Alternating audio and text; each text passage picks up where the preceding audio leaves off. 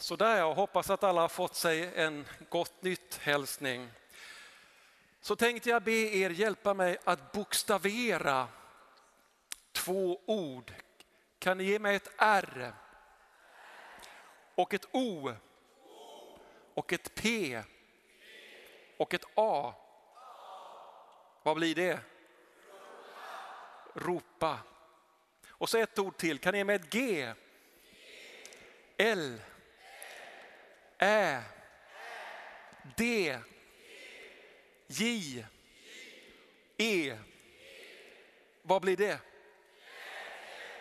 Yes. Vad dukt. Jag trodde jag sa fel nästa men det blev nog rätt. Vad fint. Ropa och glädje. Båda de orden finns med i den första versen i den texten från Sakarja som vi hörde läsas här. Och de orden finns också med i evangeliet som Mats läste här förut. Och som också stod, finns på den här stora tavlan såg jag här bakom. Sakarja skriver, ropa ut din glädje dotter Sion, jubla dotter Jerusalem. Varför är det sån glädje på första advent? Det är ju en glädjens högtid varje år på första advent. Och den här texten, ropa ut din glädje, se din konung kommer, den läser vi varje år på första advent. Oavsett vilken årgång det är. Jo, det är för att Gud i Jesus Kristus ankommer till oss människor. Ordet advent, det betyder ju ankommer. Att komma till, att ankomma.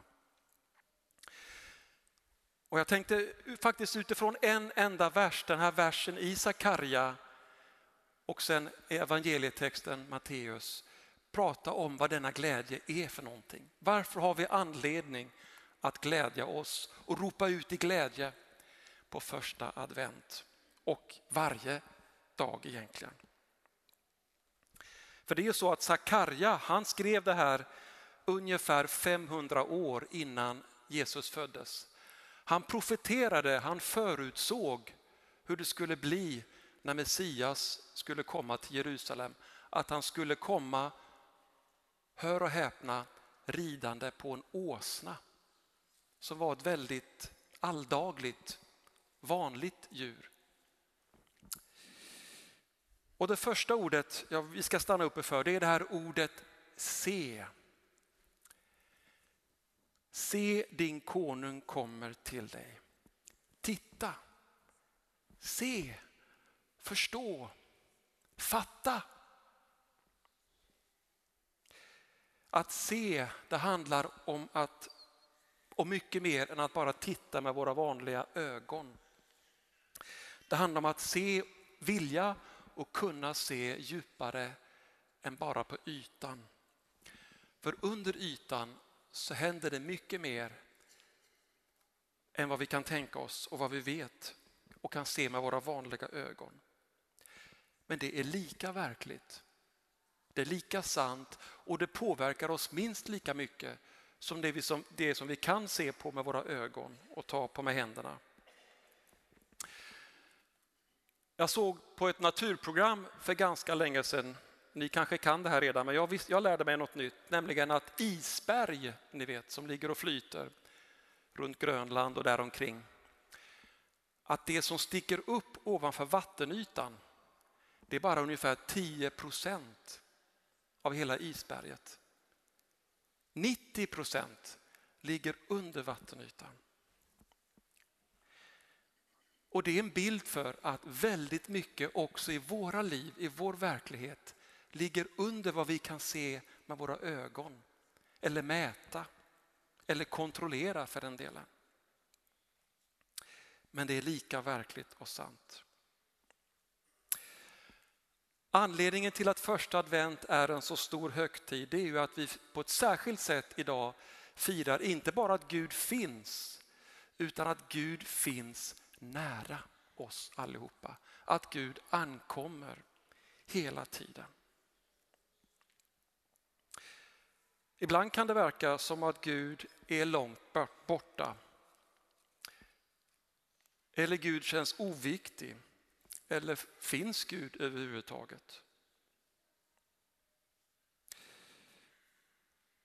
Då är det lilla ordet se en uppmaning till oss, en påminnelse till oss att ännu en gång titta djupare än ytan.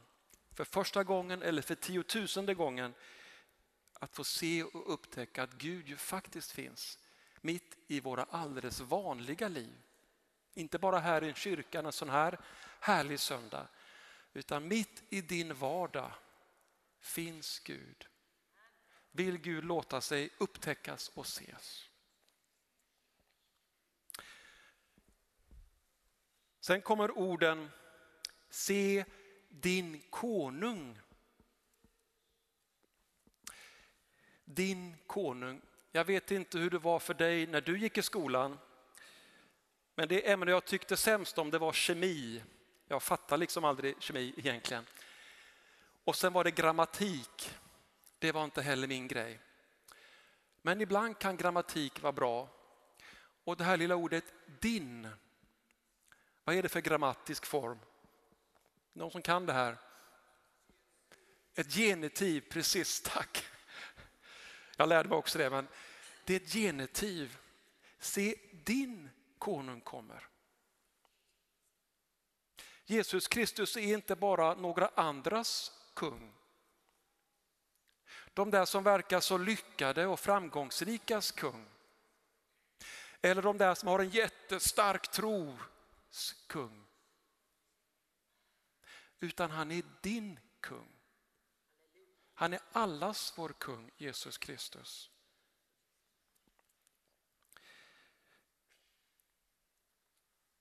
Pröva att säga det till dig själv. Jesus är min kung. Han är min kung och din kung. Vi är många här och självklart ser vår tro lite olika ut. En del, för en del är säkert tron självklar och den känns stark.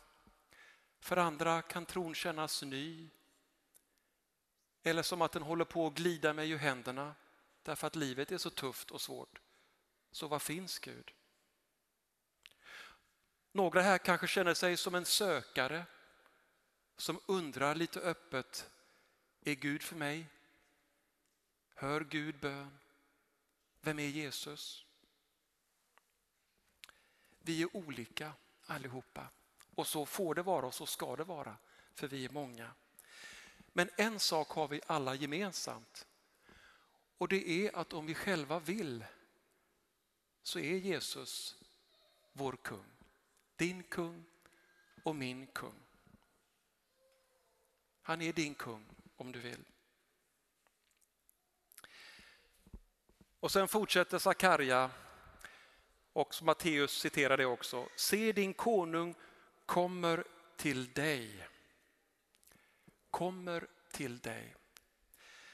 Detta är något fantastiskt och unikt faktiskt med vår kristna tro. Att Gud kommer till oss.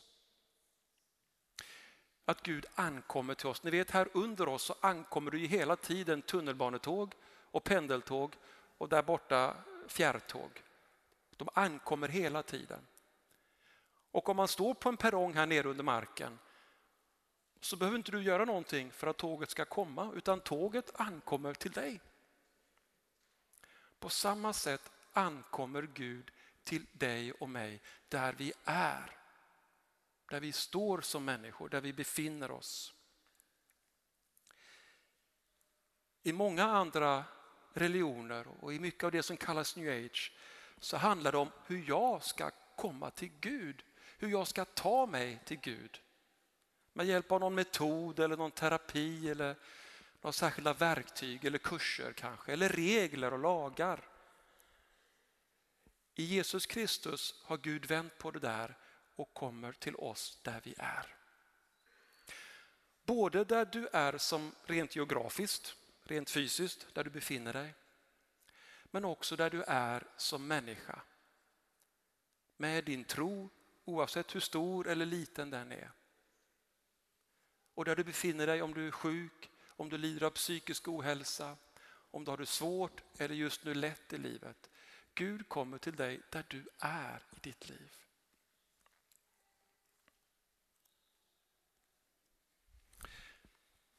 Och sen då till sist, lite senare i den här versen, så står det så här om Jesus Kristus, och Messias. I ringhet kommer han ridande på en åsna, på en ung åsnehingst. Och när Matteus citerar det här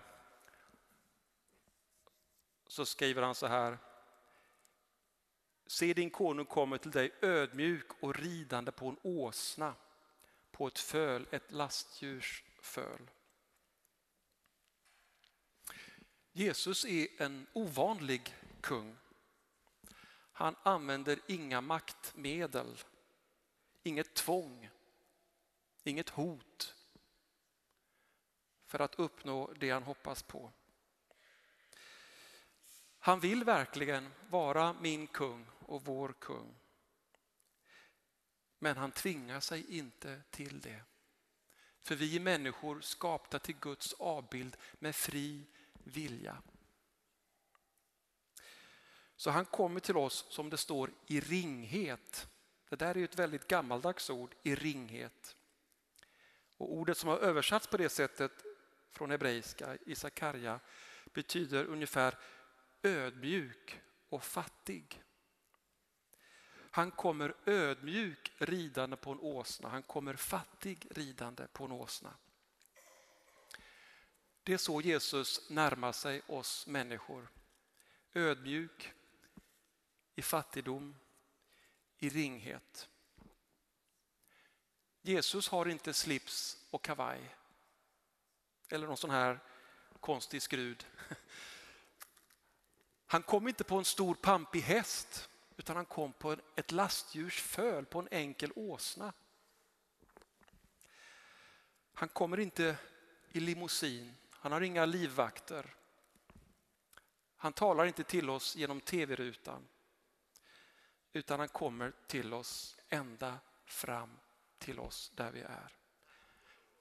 Ja, tack och lov. Ända in i våra liv. Och det gör han inte minst utan i synnerhet i den heliga nattvarden som vi också ska få fira idag om en stund. Där möter oss Jesus Kristus fysiskt påtagligt, konkret i brödet och vinet. Vi får ta emot, ta in honom i våra liv. Han kliver in i våra liv där vi är allihopa. Amen. Vi ber.